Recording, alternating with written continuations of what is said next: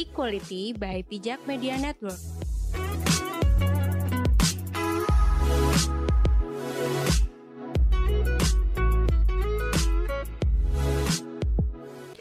Halo, selamat pagi, siang, dan malam. Kembali lagi bersama Dinda Safira di Equality episode ke lupa. Nanti ada ya di judulnya ya. Oke, di episode kali ini uh, spesial banget karena aku nggak cuman berdua doang, bertiga. Jadi tentunya lebih rame ya. Karena bahasanya nih juga rame dan mungkin sering kita lakukan atau pernah kita rasakan di kehidupan sehari-hari. Nah, sebelumnya boleh dong kenalan dulu. Halo, aku Zahra. Ya, ini pasti udah pada kenal yeah. ya semua suaranya. Oke, yang kedua. Halo, aku Lita. Oke, salam kenal Lita.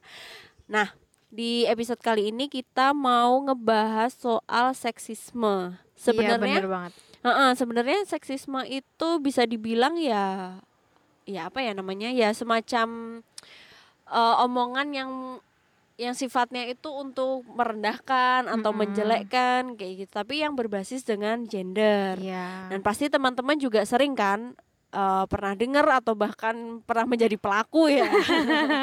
Karena memang uh, baik laki-laki atau perempuan nih kita bicara konteksnya laki-laki dan perempuan ya. Itu mungkin secara tidak sadar juga pernah melakukan seksisme. Iya. Iya kan? Zara sendiri juga pasti pernah kan? Iya pernah jadi pelaku pernah jadi korban, uh -uh. kalau Lita gimana nih?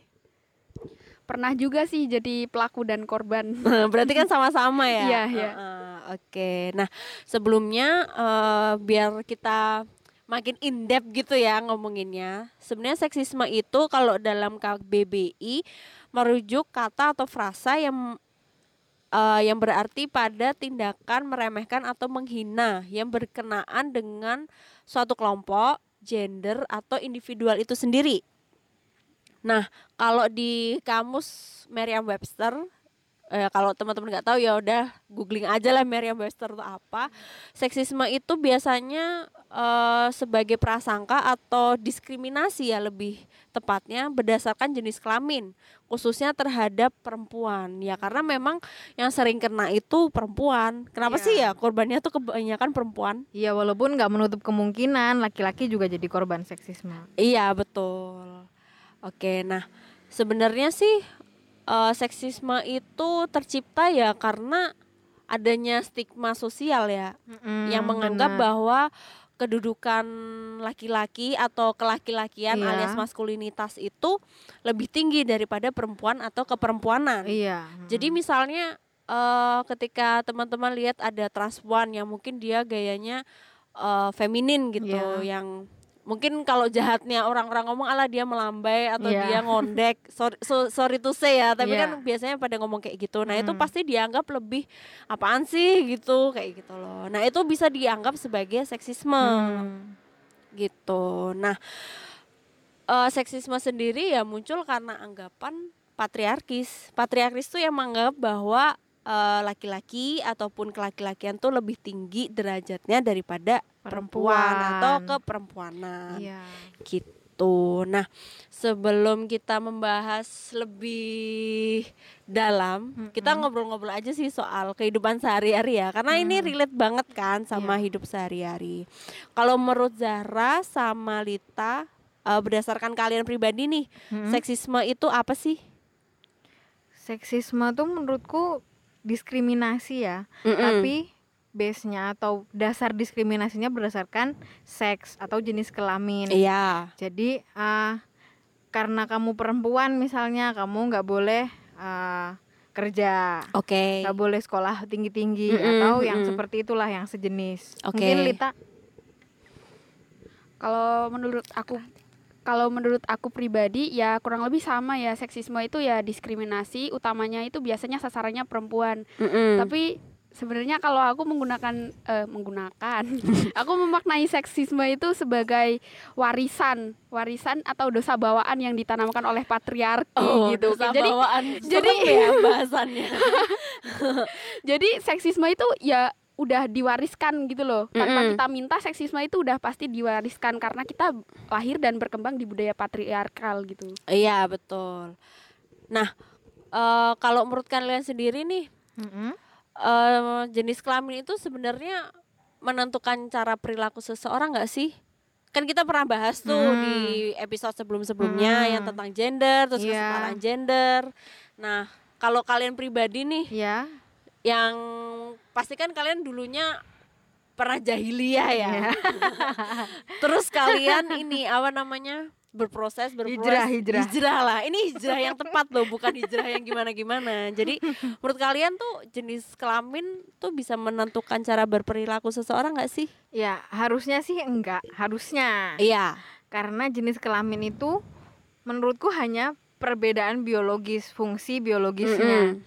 Tapi kalau misalnya di sosial, di Mm-mm. lingkungan sosial kita uh, distigmakan atau diposisikan perempuan harus gini, laki-laki harus gini, itu yang bikin uh, perilakunya atau gendernya Mm-mm. berbeda, pembagian perannya berbeda. Itu Mm-mm. yang bikin harusnya sih nggak boleh, harusnya seks atau uh, jenis kelamin itu cuman uh, membedakan fungsi biologisnya aja mestinya. oke kalau Lita gimana nih kalau Mbak Zahra tadi kan bilang secara ideal Mm-mm, Tapi kalau sebenarnya kalau menurutku jenis kelamin itu tidak secara langsung gitu loh berkaitan Mm-mm. dengan perilaku seseorang. Tapi karena biasanya kan kita dari kecil itu dididikan berdasarkan ketika kita misalnya aku lahir sebagai perempuan, mm-mm. pasti aku akan dididik untuk berperilaku gender perempuan gitu loh. Jadi Iya, sudah heeh. ditanamkan nilai-nilai keperempuanan gitu. Mm-mm, Jadi secara tidak langsung ya itu nilai-nilai yang ditanamkan itu kan menentukan perilakuku gitu. Iya betul. Tapi gender itu kan selalu berubah ya. Jadi jenis kelamin itu tidak menentukan gendernya mau seperti apa. Kan Hmm. ada juga nih yang dia terlahir eh, misalnya perempuan, tapi Iya. dia merasa aku tuh lebih nyaman menjadi laki-laki kayak gitu. Nah jadi teman-teman sampai sini paham ya bahwa gender dan jenis kelamin itu nggak selalu selaras gitu Ah, loh, nggak tidak selalu sama Ah. gitu. Oke. Nah, kalau kalian sendiri pernah nggak sih mengalami seksisme atau bahkan malah jadi pelaku nih? kan kita pernah jahiliyah ya pada masanya gitu loh. Iya iya iya. Kalau aku sendiri sih pernah ya mengalami keduanya baik sebagai pelaku maupun eh, korban seksisme. Aku pernah tuh pas mau masuk kuliah tuh aku mengalami seksisme dari keluarga gini. Ngapain sih kamu perempuan sekolah tinggi-tinggi ujung-ujungnya Mm-mm. juga bakalan di dapur gitu. Wah, Waduh, itu mm. sakit hati banget sih sebenarnya pas Mm-mm. dengar ucapan itu gitu loh. Mm-mm. Eh, dan seksisme ya- yang kita alami itu nggak cuman seputar pendidikan bisa juga di cara kita berpakaian pokoknya selalu bersinggungan dengan kehidupan sehari-hari kayak Mm-mm. kamu perempuan kok pakaiannya kayak gitu nggak mencerminkan perempuan gitu loh Mm-mm. nah terus pernah juga nih aku berperilaku seksis gitu ah. Gimana mempercayai nilai-nilai seksis kayak dulu ini waktu Ja. jadi dulu aku pernah percaya kalau misalnya eh, analogi perempuan dengan permen itu loh yang kalau misalnya perempuan yang menutup aurat itu Oh, kayak seperti permen yang lollipop gitu ya. terbungkus sedangkan Uh-uh. perempuan yang tidak memakai kerudung itu kayak permen yang terbuka makanya banyak di di diikutin semut-semut gitu kan terus Mm-mm. kalau perempuan yang eh, kalau istilahnya permen yang terbungkus itu lebih berharga daripada yang tidak dibungkus aku pernah Mm-mm. percaya itu gitu loh Mm-mm. Terus juga pernah percaya seputar ini sih tentang kodrat perempuan yang pa- Mm-mm. perempuan itu pada dasarnya emosional, tidak Mm-mm, rasional. mm-mm. Pernah di titik itu juga Mm-mm, tapi mm-mm. ya sudahlah. Tapi bagaimana nih perjalanan hijrahmu? Perjalanan Iya, hijrahnya itu Eh ya, teman-teman jangan dibilang hijrah ini ya sebagai yang lagi tren lah. Ini Mm-mm. hijrah tuh maksudnya yang berpindah, berpindah hijrah pemikiran gitu ya. Ya. Gimana gimana? Kalau hijrah pemikirannya itu sebenarnya awalnya mulai dari ini sih skeptis dulu jadi bertanya, Mm-mm. emang bener perempuan itu seperti ini? Emang Mm-mm. bener perempuan itu seperti yang dikatakan gitu? Mm-mm. Terus kalau misalnya benar kenapa gitu? Jadi Mm-mm. dari pertanyaan-pertanyaan itulah makanya Mm-mm. jadi eh, memunculkan kayak semacam ketertarikan untuk mencari yang sesungguhnya kayak baca-baca tentang artikel-artikel Ah, ah. psikologi tentang sifat perempuan. Bener gak sih perempuan itu nggak rasional kayak gitu? Mm-mm. Kayak gitu sih Berarti kamu mencari tahu sendiri ya. Mm-mm. Mm-mm. Oke. Nah kalau Zahra nih pengalamannya kayak gimana tuh? Pengalaman sebagai korban. Ya bisa korban, bisa Sebagai- pelaku, karena kan kita semua pernah jahili ya pada Iya, iya, masanya. iya. Sebagai pelaku sebenarnya bukan pelaku yang ih kamu tuh laki-laki harus gini, kamu perempuan harus gini lebih ke Gimana tuh? insecure terhadap diri sendiri. Aku tuh bisa masak tapi nggak hobi. Terus uh, sering berpikir kepada diriku sendiri, aduh aku tuh anak perempuan harusnya tuh bisa masak kayak gitu. kayak Oh, gitu. oke, oke. Pernah pernah Mm-mm. berpikir kayak gitu. Kalau sebagai korban uh, ini sih beberapa kali kalau lagi di komunitas atau di Mm-mm, organisasi ketika pemilihan ketua, pemilihan Oh, koor kayak Ha, gitu. Udah yang dijalanin laki-laki aja. Mm-mm. Seolah-olah perempuan nggak punya kapabilitas untuk jadi petinggi kayak Mm-mm, gitu, untuk punya posisi di situ. Ya, jadi korban kayak gitu sih hampir sama lah. Semua orang kayaknya akan mengalami hal yang sama gitu. Iya, oh, benar-benar. Eh, terus apalagi perjalanan hijrah. Mm-mm. Perjalanan hijrah. Perjalanan hijrah sebenarnya cukup berliku-liku ya karena Mm-mm. dulu juga pernah ini apa namanya udahlah pokoknya aku uh, mau mau cari aman aja mau jadi perempuan yang uh, nurut sama laki-laki Mm-mm, mm-mm. terus menikah dini Waduh, serius kamu pernah kayak gitu? Eh, pernah Oh. pernah terus terus gimana tuh perjalanannya? perjalanan hijrahnya ya hampir sama kayak Lita sih apa beneran ya kayak gini kok aku nggak nyaman ya kok aku nggak nyaman ya berada di posisi kayak gini awalnya ngerasa nggak nyaman aja tapi merasa bahwa ah nggak apa-apa ini nggak nyaman jalan menuju surga gitu. Mm-mm. tapi ah aku mau cari tahu ah beneran beneran karena mau masuk surga atau aku emang nggak harusnya kayak gini kayak gitu Mm-mm. akhirnya ya baca-baca terus Mm-mm. apalagi masuk filsafat Iya. ya kan Oh iya, benar benar benar. Filsafat Iya, itu itu. ilmu berpikir soalnya. iya bener banget ya kayak gitulah perjalanan hijrahnya Berarti kurang lebih sama ya, karena aku Benar. juga pernah menganggap bahwa ya yang cocok jadi pemimpin tuh ya laki-laki. Mm-mm. Tapi lama kelamaan aku merasa apaan nih laki-laki juga nggak becus jadi pemimpin. Iya, benar. Berarti kan lama lama-lama kan kayak berpikir kayak lah kalau laki-lakinya aja nggak becus, ya Mhm. kenapa kita nggak milih perempuan aja yang Benar. memang dia capable Mm-mm. gitu loh di Mm-mm. situ. Kalau aku sendiri sih eh, nggak tahu ya. Kalau aku emang dasarnya tuh tipe-tipe pemberontak. Jadi meskipun aku ditanamkan nilai-nilai kayak misalnya dari orang tuaku, dari mamahku, eh, beliau tuh selalu bilang kamu bebas mau ngapain aja. Dia Mm. membebaskan aku boleh berkegiatan, boleh kerja, boleh main ke mana aja. Mm-mm. Tapi nanti kalau udah nikah ya kamu harus nurut sama suami kamu. Nah Hmm. itu aku nggak setuju. Apalagi ketika udah tahu pencerahan nih dapet cahaya ilahi nih. Semasa kuliah kan, Iya. karena kuliahku juga dituntut untuk berpikir kritis. Mm-mm. eh aku berpikir kenapa aku harus semata-mata nurut sama suami Mm-mm. kalau semua hal itu bisa dibicarakan bersama Benar. kayak gitu. Nah mungkin karena mamaku sendiri tuh tadinya dia juga orang yang merdeka, bebas dia bisa melancong ke mana-mana, bisa Mm. kerja di mana-mana, Mm. Jadi anak rantau gitu Mm. kan. Tapi semenjak nikah sama papaku ya mamaku di rumah. Ya mungkin Oh. itu yang berusaha ditanamkan Iya. ke anak-anaknya, terutama anak-anaknya tuh perempuan semua Iya. gitu. Tapi aku menentang Mm. dan ya selama aku punya pasangan ya aku selalu ngobrol sama dia aku pengen Mm-mm. kayak gini kamu setuju atau enggak kalau kamu nggak setuju kenapa setuju kenapa kayak gitu diskusi partnership ya Heeh, kayak gitu nah tapi yang rada ngeselin ya biasanya kan kita nih perempuan nih Hmm? Kan ada tuh stigma-stigma yang bilang anak perempuan tuh jangan keluar malam nggak baik Nah, nanti oh, diomongin tetangga kayak gitu. Karena aku Hmm, pernah digituin sama mamaku ketika aku sibuk berkegiatan di kampus ya namanya juga lagi asik ya pulangnya jam 11 jam 12 kadang jam 1 gitu kan. Ya aku merasa ya ya udah wajar aja gitu loh. Dan Hmm. mamaku tuh sebenarnya ya udah nggak apa-apa namanya juga anak muda gitu kan. Iya. tapi yang ribet ini papaku. Kadang merasa eh, ngomongnya pakai bahasa Jawa ya cah wedok kok baline bengi kayak gitu dikira tuh nggak bener padahal ya cuma di kampus gitu nah Iya. kalau kalian sendiri pernah mengalami itu nggak sih Lita deh Kalau aku sendiri pernah ya kayak kayak kalau misalnya pulang malam tuh selalu diwanti-wanti sama ibu, tapi tuh kayak perempuan kok keluar malam-malam, tapi alasannya lebih ke bahaya itu sendiri sih kayak kalau Iya, misalnya bahaya heeh. pulang malam. Tapi pernah juga sih kayak kan eh, misalnya kalau misal kita melakukan suatu kesalahan gitu Mm, mm, mm. masa perempuan kayak gitu bikin malu keluarga Mm, mm. kayak gitu tapi yang bilang bukan bukan mamaku sih maksudnya ada ya adalah yang Mm, bilang mm. kayak gitu Mm, mm. ngomongin di belakang gitu Iya biasa sih. Kalau Zara gimana nih? Sebagai sesama perempuan nih kan Mm. pasti juga mendapatkan hal yang sama gitu loh. Heeh.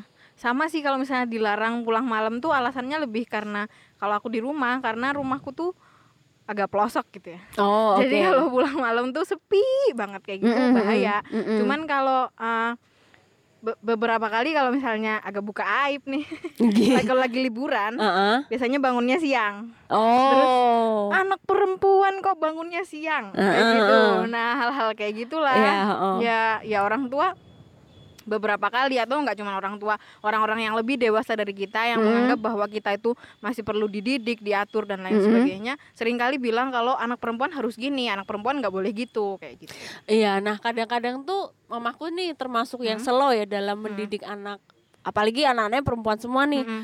Jadi beliau tuh memang membebaskan mau bangun siang juga terserah, Oh. terus mau cuci piring, mau nyapu juga terserah Hmm. gitu. Mamaku tuh sebenarnya kayak gitu. Cuman Hmm. kadang-kadang ya ada lah yang suka ngompor-ngomporin jadi akhirnya ikutan diomelin kan nah itu yang sebelnya tuh kayak gitu itu memang kenapa kalau tidur siang apa bangun siang karena kan Mulut-mulut capek julid itu ya yang Heeh, mulut-mulut ngomporin. julid biasanya tetangga tuh kayak Iya. gitu nah kalau menurut kalian nih Hmm. dari stigma-stigma yang sudah kita bahas tadi kan eh, akarnya tuh adalah patriarki Mm-mm. menurut kalian sendiri patriarki itu apa dan gimana pandangan kalian deh tentang patriarki patriarki ya kalau didefinisiin Mbak Flo di awal tadi Mm-mm. udah udah tentang bagaimana laki-laki dan kelaki-lakian atau maskulinitas Mm-mm. itu jadi sesuatu yang lebih istimewa dibanding perempuan kayak gitu Mm-mm. dan bagaimana patriarki berjalan ya karena lingkungannya lingkungan Mm-mm. sosialnya mendukung untuk kayak gitu kayak Mm-mm. yang jadi pemimpin pantasnya laki-laki laki-laki nggak pantas kalau ngerjain pekerjaan rumah Mm-mm. dan lain sebagainya ya patriarki tujuannya atau uh, keinginannya ya melanggengkan uh, laki-laki maupun posisi ke laki-lakian itu Oke, kalau Lita gimana nih? kalau sebenarnya kurang lebih sama sih ya cuman kayak patriarki itu menempatkan laki-laki itu di posisi yang superior dan lebih utama jadinya eh, laki-laki itu memiliki kuasa sebagai subjek dan perempuan sebagai second class gitu ditempatkan sebagai objek makanya kalau Mm-mm. di budaya patriarki yang kita kenal kan biasanya yang diatur-atur itu kan perempuan kan kayak bahkan cara berpakaian Mm-mm. perempuan itu ditentukan oleh laki-laki kayak Iya. perempuan jangan pa- berpakaian kayak gitu nanti mengundang nafsu laki-laki lah yang nafsu aja segitu Kenapa kita yang diatur-atur ya? Nah kurang lebih sama sih Mm-mm. gitu Oke. Eh, Nah, tapi kalian pernah dengar nggak sih tentang ibuisme negara? zaman Soeharto ya Iya. Iya. Harusnya sih kalian tahu ya karena kalian Iya. anak filsafat Nah, gitu loh. Nah, nah. menurut kalian eh, apa sih hubungannya dengan stigma-stigma yang hadir sekarang dengan konsep ibuisme negara gitu? ya sama yang dibilang Lita tadi sih perempuan ah, segala hal tentang perempuan Mm-mm. yang ngatur laki-laki termasuk ketika dia udah jadi ah, ibu atau jadi istri atau Mm-mm. jadi partner dari sang laki-laki kayak gitu Mm-mm. jadi apa-apa ya ditentukan oleh laki-laki gitu termasuk dalam pembangunan kayak gitu dalam Ya. bagaimana seorang perempuan itu berkembang juga ditentukan oleh uh, laki-laki bagus nggak sih kalau perempuan begini bagus nggak sih tapi itu juga yang Mm-mm. nentuin laki-laki aku sekedar tahu itu sih dari ibuisme Mm-mm. Kalau Lita gimana? Kalau yang aku tahu dulu pas eh, periode orde baru itu kan Mm-mm. kata perempuan sendiri itu kan diganti dengan wanita Iya, Gitu ya kan, itu nah, itu populer agak banget. problematik ya. populer yang artinya wanita itu wani ditoto atau Mm-mm. eh, istilahnya tuh berani diatur gitu Mm-mm. jadi eh, dari penggunaan kata wanita sendiri itu kita udah tahu bahwa posisinya perempuan itu ya memang di belakang laki-laki dan katanya dulu ini kan sempat maksudnya ada populer bahwa perempuan itu tiang negara. Nah, tiang Mm-mm. negara yang kayaknya dimaksud tuh perempuan sebagai ya menjalankan fungsi untuk mempersiapkan generasi. Nah, generasi Mm-mm. yang bakalan jadi pemimpin, bakalan merubah eh, berperan penting di negara itu ya generasi yang dipersiapkan adalah laki-laki. Tugas perempuan itu cuma mempersiapkan aja gitu. Oh, berarti seolah-olah tuh kayak yang Mm.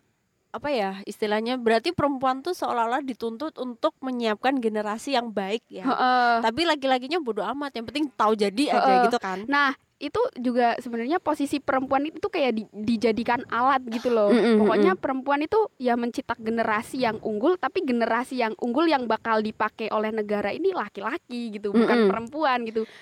Iya benar-benar. Dan itu kelihatan banget eh, beberapa keluarga ya di Mm-mm. dalam eh, misalnya waktu makan malam itu kan Mm-mm. makan malam bersama. Yang didahulukan kan pasti yang bapaknya dulu, Mm-mm, anak mm-mm. laki-laki.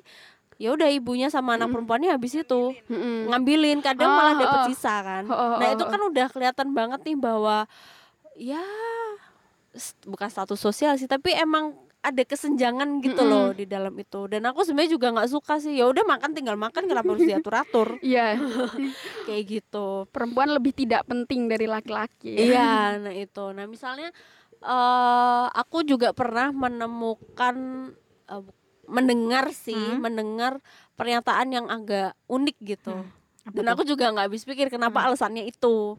Jadi di kalangan beberapa orang tua, Hmm. misalnya ketika anak-anaknya sudah gede, Hmm. udah SMP, SMA Hmm. gitu pasti eh, orang tua tuh bakal ngebeliin motor. Iya. Tapi yang didahulukan itu adalah yang laki-laki karena Ah. ya wajar laki-laki kan biasanya butuh motor ya perempuan nggak usah lah ya. Nah menurut kalian tuh kayak gimana deh? Soal fasilitas itu meskipun sama-sama sekolah tapi yang Hmm. didahulukan fasilitasnya tuh yang anak laki-laki.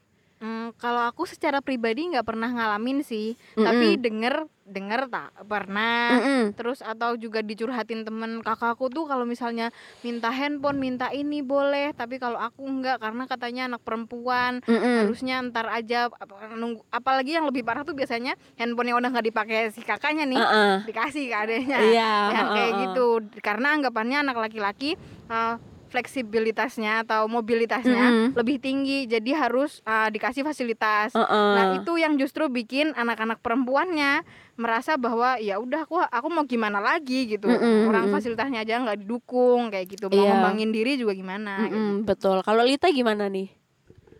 Kalau aku pribadi sih nggak pernah ngalamin ya, soalnya aku kan dua bersaudara perempuan semua, jadi nggak Mm-mm. pernah tuh mengalami yang namanya misalnya ada saudara laki-laki didahulukan. Cuman kayak ya emang kalau di masyarakat umum tuh biasanya tuh anak eh, kalau aku lihat ya di daerahku tuh anak-anak SMP itu yang cowok-cowok tuh pada dibeliin motor, tapi Iya. anak-anak SMP yang cewek-cewek tuh pada nggak punya motor. Nah Nggak itu tahu itu asumsinya apa? Mungkin asumsinya kalau yang cewek bisa nebeng gitu atau atau Berarti kan sama aja bergantung kan? Mm, Mm. menciptakan ketergantungan kepada Mm-mm. laki-laki gitu. Sejak dini sudah, Sudah di ditanamkan nilai-nilainya itu. Nah itu aku juga rada nggak masuk ya di akalku tuh kenapa yang laki-laki dibeliin motor padahal sama-sama sekolah sekolahnya jauh ya kan Iya. nggak ada angkot tapi kenapa yang dibeliin yang laki-laki gitu berarti kan memang secara tidak sadar kita tuh sudah tertanam gitu loh bahwa eh, apa namanya laki-laki tuh memang harus diutamakan harus Iya. nomor satu harus Mm-mm. inilah itulah kayak Mm-mm. gitu Ya sebenarnya kalau ngomongin budaya itu budaya jahiliyah ya. Mm-mm, mm-mm. Karena karena bahkan ah, ngomongin peradaban Islam nih. iya Peradaban Is- peradaban Arab sebelum masuknya Islam tuh kan kayak gitu. Ya Mm. kalau misalnya kamu lahir sebagai perempuan kamu dikubur hidup-hidup gitu. Dari lahir aja udah nggak disukain kayak Uh-uh. gitu ya kan. Ya ya itu terbawa ke kita gitu. Mm-mm. terbawa ke kita dengan dengan yang lebih yang lebih apa ya lebih ringan lah istilahnya mm-mm. bahwa laki-laki ya emang lebih utama dari perempuan mau nggak mau gitu Mm-mm. soalnya nanti yang bakal jadi pemimpin dalam keluarga Mm-mm, dalam mm-mm. tatanan sosial di mana-mana ya laki-laki sedangkan perempuan bisa jadi followers aja kayak Oh gitu my god. iya sih, tapi eh, aku tuh pernah baca artikel di sebuah media daring ya. Mm-mm. Eh, dia tuh bilang kalau sebenarnya tuh kit- eh, masyarakat Indonesia tuh sudah mengenal ya kesetaraan apalagi kita Mm-mm. kan masyarakat agraris ya. Mm-mm. Kit- ya baik laki-laki atau perempuannya tuh ya sama-sama kerja, sama-sama gotong royong karena apalagi budaya gotong royong tuh masih kental kan. Ya meskipun saat ini sudah mulai dikit-dikit menghilang kayak gitu. Nah, tapi ketika datang kolel- kolonialisme barulah tercipta kelas-kelas yang eh, bahkan ada juga yang menciptakan gap bahwa yang laki-laki tuh lebih diutamakan. Makanya dulu tuh yang bisa sekolah tuh kalau yang nggak anak bupati dan itu pasti laki-laki. Mm-mm. Yang perempuan tuh jarang banget. Nah, menurut kalian eh, kalian setuju nggak sih dengan argumen ini tuh? Ya setuju nggak setuju sih ya. Ya setuju sih. Gimana tuh? setuju nggak setuju tapi setuju tuh gimana, Lid? Mikir dulu tadi. Mikir dulu tadi. Tapi emang bener sih. Maksudnya dari awalnya kan kalau misalnya di masyarakat agraris itu kan ya kerja bareng-bareng ke sawah bareng-bareng. Pokoknya ngapa-ngapain bareng lah ada. Tapi kalau di eh, budaya patriarki itu sendiri kan kalau misalnya di masyarakat kolonial di para penjajah itu kan di Eropa sana emang perempuan itu posisinya ya emang sebagai pendamping laki-laki makanya kalau Mm-mm. misal eh, wajar aja kalau misalnya budaya mereka yang posisinya mereka kan menjajah kita kita Mm-mm. menganggap mereka itu lebih superior dari kita dan kita mengadopsi itu ya emang itu gimana ya wajar tapi nggak wajar maksudnya maksudnya wajar untuk wajar aja kalau kita tuh menerima wajar terjadi heeh. Heeh, wajar terjadi tapi sebenarnya itu ya tidak boleh dimaklumi Iya, heeh. betul, betul. tidak wajar wajar tapi tidak Oke. Tapi ironi ya karena Iya. sebenarnya eh, yang paling vokal menye- apa menyuarakan kesetaraan tuh kan Hmm. sebenarnya orang-orang sana gitu Iya. loh. Kita kan baru mengenal keset apa istilah kesetaraan itu Heeh. kan juga dari sana kan Hmm. equality, Hmm. equity itu kan Hmm. juga dari sana. Ya ya mungkin sejak dulu kita sudah mengenal emansipasi tapi Iya. gegara ibuisme itu tadi Hmm. emansipasi tuh dikira ya cuman pakai baju ada terus modeling kayak gitu padahal kan enggak lebih dari itu Iya benar. oke nah soal tadi dari tadi kan kita udah ngebahas soal stigma soal anak laki-laki anak perempuan Hmm. nah ini lebih ke stigma apa sih yang biasanya tuh sudah ditanamkan sejak dini ya bahkan Hmm. sejak lahir kayak eh, misalnya kalau laki-laki tuh umumnya warnanya biru Mm-mm. kalau perempuan pink. Nah, kalau Hmm. kalian sendiri semasa kecil tuh dibiasakan nggak sih untuk apa ya? Maksudnya kayak kita tuh dididik sebagai perempuan, tapi Mm-mm. kalian apakah juga diperbolehkan untuk melakukan hal lain yang mungkin nggak wajar gitu loh bagi seorang perempuan? Eh, diperbolehkan sih, diperbolehkan pasti diperbolehkan tapi Mm-mm. pasti dianggap aneh gitu. Aku dulu pas masih kecil suka main bola. Mm-mm. Terus diginiin, anak perempuan kok mainnya sepak bola sih kayak gitu. Mm-mm. Ma- Kenapa nggak main boneka atau apa kayak Uh-uh. gitu? Itu ya walaupun nggak sama orang tua tapi sama orang-orang dewasa di sekitar kita gitu. Mm-mm. Terus eh, soal dididik sebagai perempuan sama kayak Lita tadi, ya itu Mm-mm. tertanam ke kita gitu loh. Mm-mm. Tertanam bahwa ya ya berarti perempuan tuh harusnya kayak gitu. Sam, eh, sam- itu ke bawah sama aku sampai usia remaja ya. Mm-mm. Bahkan warna pink sebagai warna perempuan tuh bener-bener aku glorifikasi gitu loh. Wah, Mm. pokoknya kamu tuh kurang perempuan kalau nggak pakai warna pink kayak gitu. Mm, Oke. Kalau Lita gimana nih? kalau aku sendiri aku sih dari kecil nggak nggak diasosiasikan dengan warna pink tapi ya emang diasosiasikan dengan pakaian-pakaian model perempuan ya tapi ini sih maksudnya masih terbuka untuk untuk berpakaian atau menyukai benda-benda yang sebenarnya itu tidak tidak berasosiasi dengan nilai-nilai keperempuanan gitu Oke. tapi kalau misalnya dulu tuh pernah ya aku tuh nggak nggak suka warna pink emang dari dulu tuh nggak suka warna Mm-mm, pink mm-mm. tapi ya sebenarnya nggak apa-apa kan walaupun kita nggak suka warna pink Nggak masalah juga sih, nggak walaupun nilai-nilai misalnya perempuan itu warna pink laki-laki tuh sukanya warna biru tapi kalau Hmm. misalnya itu tuh boleh ditanamkan tapi kalau misalnya kita nggak suka ya maksudnya ada hak untuk anak-anak itu menentukan warna atau benda-benda kesukaannya sendiri yang Mm, mm, mm. itu tuh tidak diasosiasikan dengan jenis kelaminnya gitu Mm-mm. Terus aku juga pernah baca sih kalau misalnya dulu pada awalnya warna pink itu diciptakan justru sebagai simbol maskulinitas. Tapi Oh iya. heeh. tapi entah kenapa dari sejarah itu bergeser, bergeser warna pink kok jadi diasosiasikan dengan perempuan. gitu. Iya. Dan sekarang tuh apa ya? Maksudnya kan karena semakin udah maju dan informasi kan ya udahlah menyebar cepat gitu ya. Jadi eh, banyak juga laki-laki yang mulai berani pakai warna pink. Tapi kan tetap aja ada yang bilang, "Ih, cowok kok pakai warna pink." Padahal ya biasa aja gitu loh menurut aku lah. Temanku ada yang suka pakai warna kuning ngejreng juga menurutku biasa aja. Yang penting kan dia nyaman gitu loh Mm-mm. memakai itu. Kalau aku sendiri sih waktu kecil emang nggak terlalu diatur harus pakai warna apa, baju seperti apa. Bahkan di beberapa album fotoku itu ada outfitku tuh yang sangat apa ya? Ya bisa dibilang tuh ya nggak perempuan juga karena pakai kaos, pakai celana kayak Ah. gitu. Tapi beberapa ya ada yang pakai dress, ada Hmm. ini dan ketika kecil pun aku lebih suka main semacam Tamiya gitu loh daripada Barbie kayak gitu. Untungnya orang tua aku membebaskan tentang pilihan itu. Nah, tapi yang sering membuat aku sebal adalah ketika eh, misalnya di kondangan nih. Nah, itu selalu diatur-atur soal bagaimana cara bersikap apalagi dapat undangannya VIP kan. Jadi kayak duduknya harus tegak, terus nanti ya table manner gitulah sebenarnya ya bagus sih table manner tapi untuk beberapa case aku nggak setuju kalau itu diatur sedemikian rupa. Karena menurutku ya udah sih selama aku apa ya selama aku masih tetap sopan dan ya masa makan juga awut-awutan kan juga nggak mungkin kan. Jadi selama itu masih lain apa masih patut ya kenapa enggak? Toh nanti kalau misalnya table manner kan misalnya kalau kita ada di conference atau apa jadi tuh sesuai tempatnya gitu loh. Jangan eh, jangan semata-mata ya sebagai perempuan terutama kamu tuh harus bersikap anggun, sopan, santun kayak gitu aku ngerasa kayak ya fake banget sih gitu loh. Nah kalau menurut Zara sama Lita kalian pernah nggak sih mengalami hal yang sama yang kalian tuh harus diatur-atur gitu loh cara Hmm, duduk, hmm. cara berpakaian, cara Hmm. dandan atau Iya. apalah. Ya dulu pas masih SMP itu pernah guruku ngomong kalau cari istri tuh yang pantas diajak kondangan kayak gitu.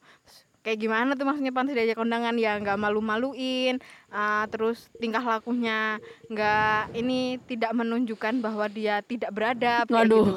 Itu kayak gimana ya apa sampai ngerobohin ini tenda atau gimana aku nggak ngerti deh.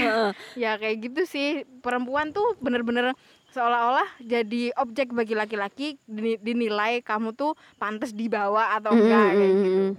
Kalau Lita?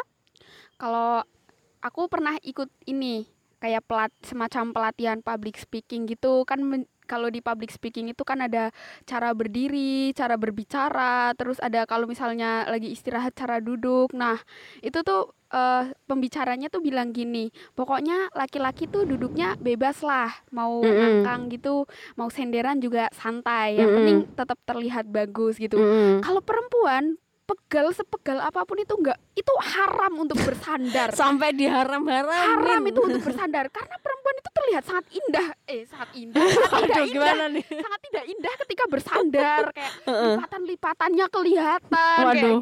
pokoknya intinya gitulah Mm-mm. kayak perempuan itu seolah-olah pokoknya harus jadi selalu indah gitu loh. Sedangkan laki-laki itu yang dinilai itu kualitasnya, sedangkan kalau perempuan itu yang dinilai itu secara fisik tampilan itu Uh-uh. bukan bukan apa kalau misalnya kita jadi pembicara itu bukan yang dinilai itu isi dari apa yang kita sampaikan. Nah, gitu. makanya kan di pemberitaan kan seringnya ya meskipun ada perempuan berprestasi ya pasti Mm-mm. wah atlet cantik ini Oh, pasti itu kan terus kalau enggak wanita ya. anggun ini misalnya kayak Mm-mm. gitu pasti kan ada embel-embel yang menunjukkan keperempuanan gitu kan Mm-mm. nah itu sebenarnya ya kita tuh harus mulai adil sejak dalam pikiran gitu loh bahwa laki-laki atau perempuan tuh ya punya kapasitas yang sama jangan dilihat penampilannya doang Mm-mm. gitu ya meskipun oke lah kita punya penampilan yang menarik yang Mm-mm. bagus karena memang penampilan kan dilihat paling pertama ya tapi Mm-mm. kan ya kita harus lihat dong kepribadian dia gimana isi otak dia gimana kayak gitu Mm-mm. Eh, ada juga nih yang pernah curhat di replies Twitter entah itu di tweetnya siapa atau di tweetnya siapa karena aku juga cuma sekedar baca dia tuh bilang bahwa eh benar nggak sih kalau orang tua tuh dianggap sebagai salah satu pihak yang melanggengkan patriarki? Menurut kalian gimana tuh?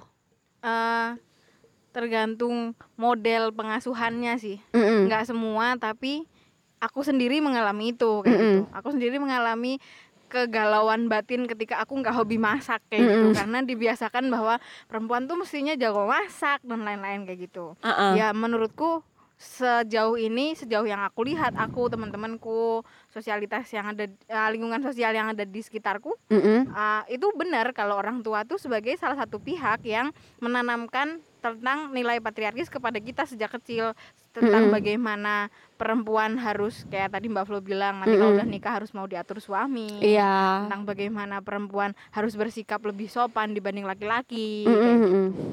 Kalau Lita gimana nih? Kayaknya lebih banyak deh pengalamannya ya.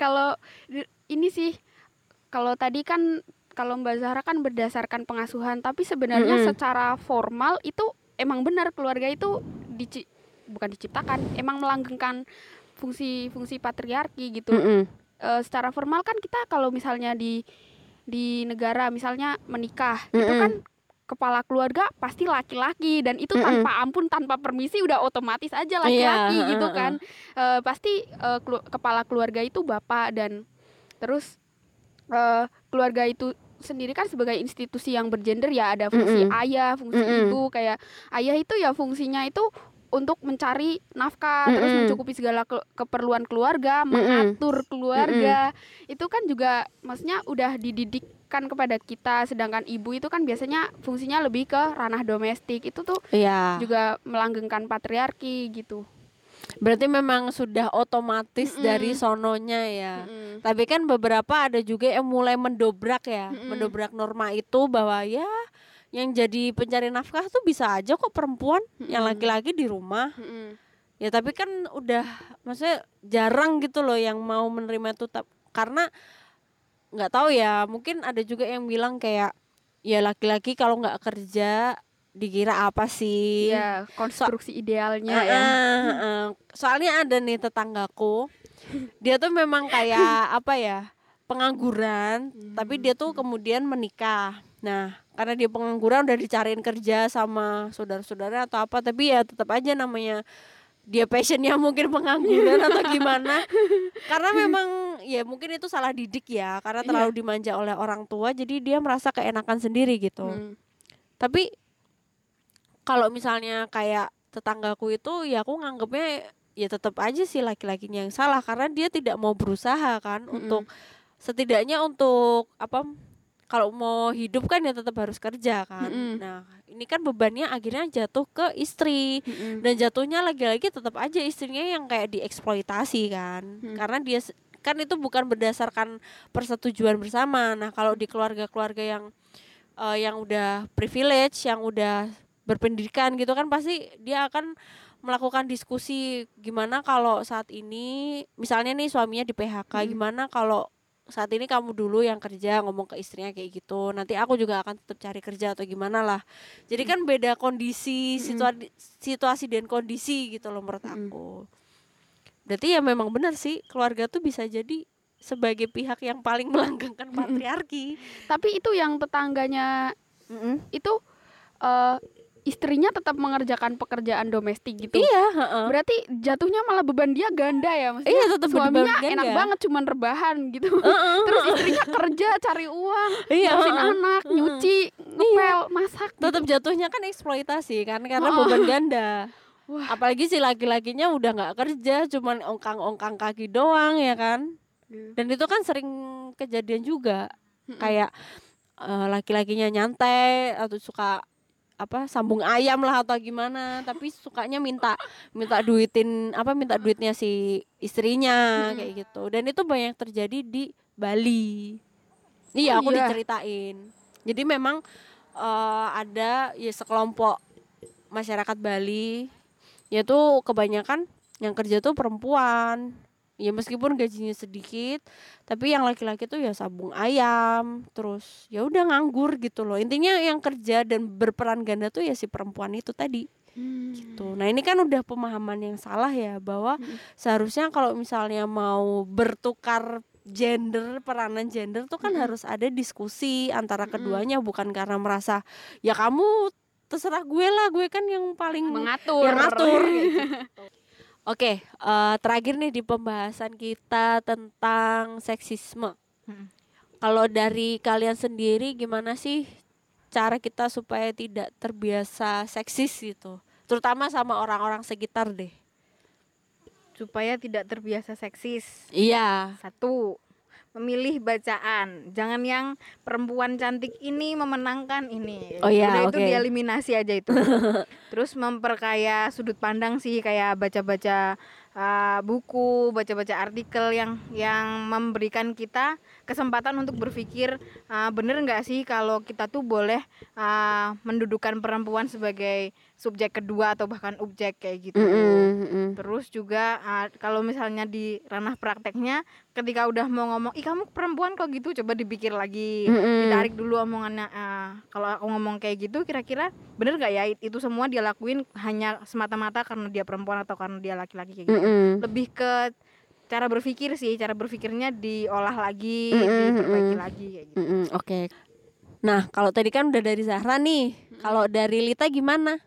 Nah, kalau menurut aku sendiri berhenti buat berperilaku seksis itu membutuhkan usaha yang luar biasa karena itu udah ditanamkan ke kita dari kecil dari Mm-mm, udah pokoknya bertahun-tahun kita hidup lah. mm-mm. Nah, tapi yang paling utama sebenarnya berhenti seksis itu dimulai dari diri sendiri. Jadi Mm-mm. berhenti berlaku seksis pada diri sendiri gitu loh. Mm-mm. Contohnya, contohnya. Kayak eh, tidak perlu meragukan keperempuananmu hanya karena kamu misalnya nggak bisa masak atau Mm-mm. kamu misalnya meragukan kelaki-lakianmu hanya karena kamu nggak bisa ngangkat galon gitu.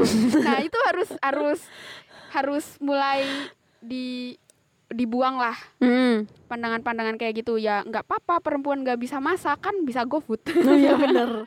astagfirullah merek Gak apa-apa, gak apa-apa. terus ya nggak apa-apa nggak laki-laki nggak bisa ngangkat galon kan Ada nanti kang golon. ada tukang galon heeh.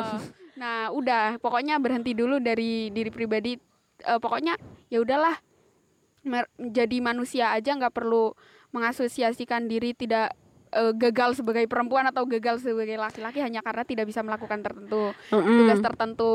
Terus juga ini sih eh, mulai belajar kalau aku sih mulai belajar buat memanusiakan manusia. Jadi memandang semua eh, semua manusia itu ya sama posisinya sebagai manusia baik laki-laki maupun perempuan itu sama-sama sebagai Mm-mm, manusia. mm-mm. Jadi ya posisinya itu sama-sama setara gitu loh.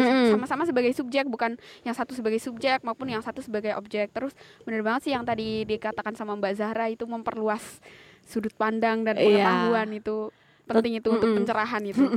Tentunya harus banyak ngobrol juga sih biar lingkunganmu tuh nggak itu-itu doang.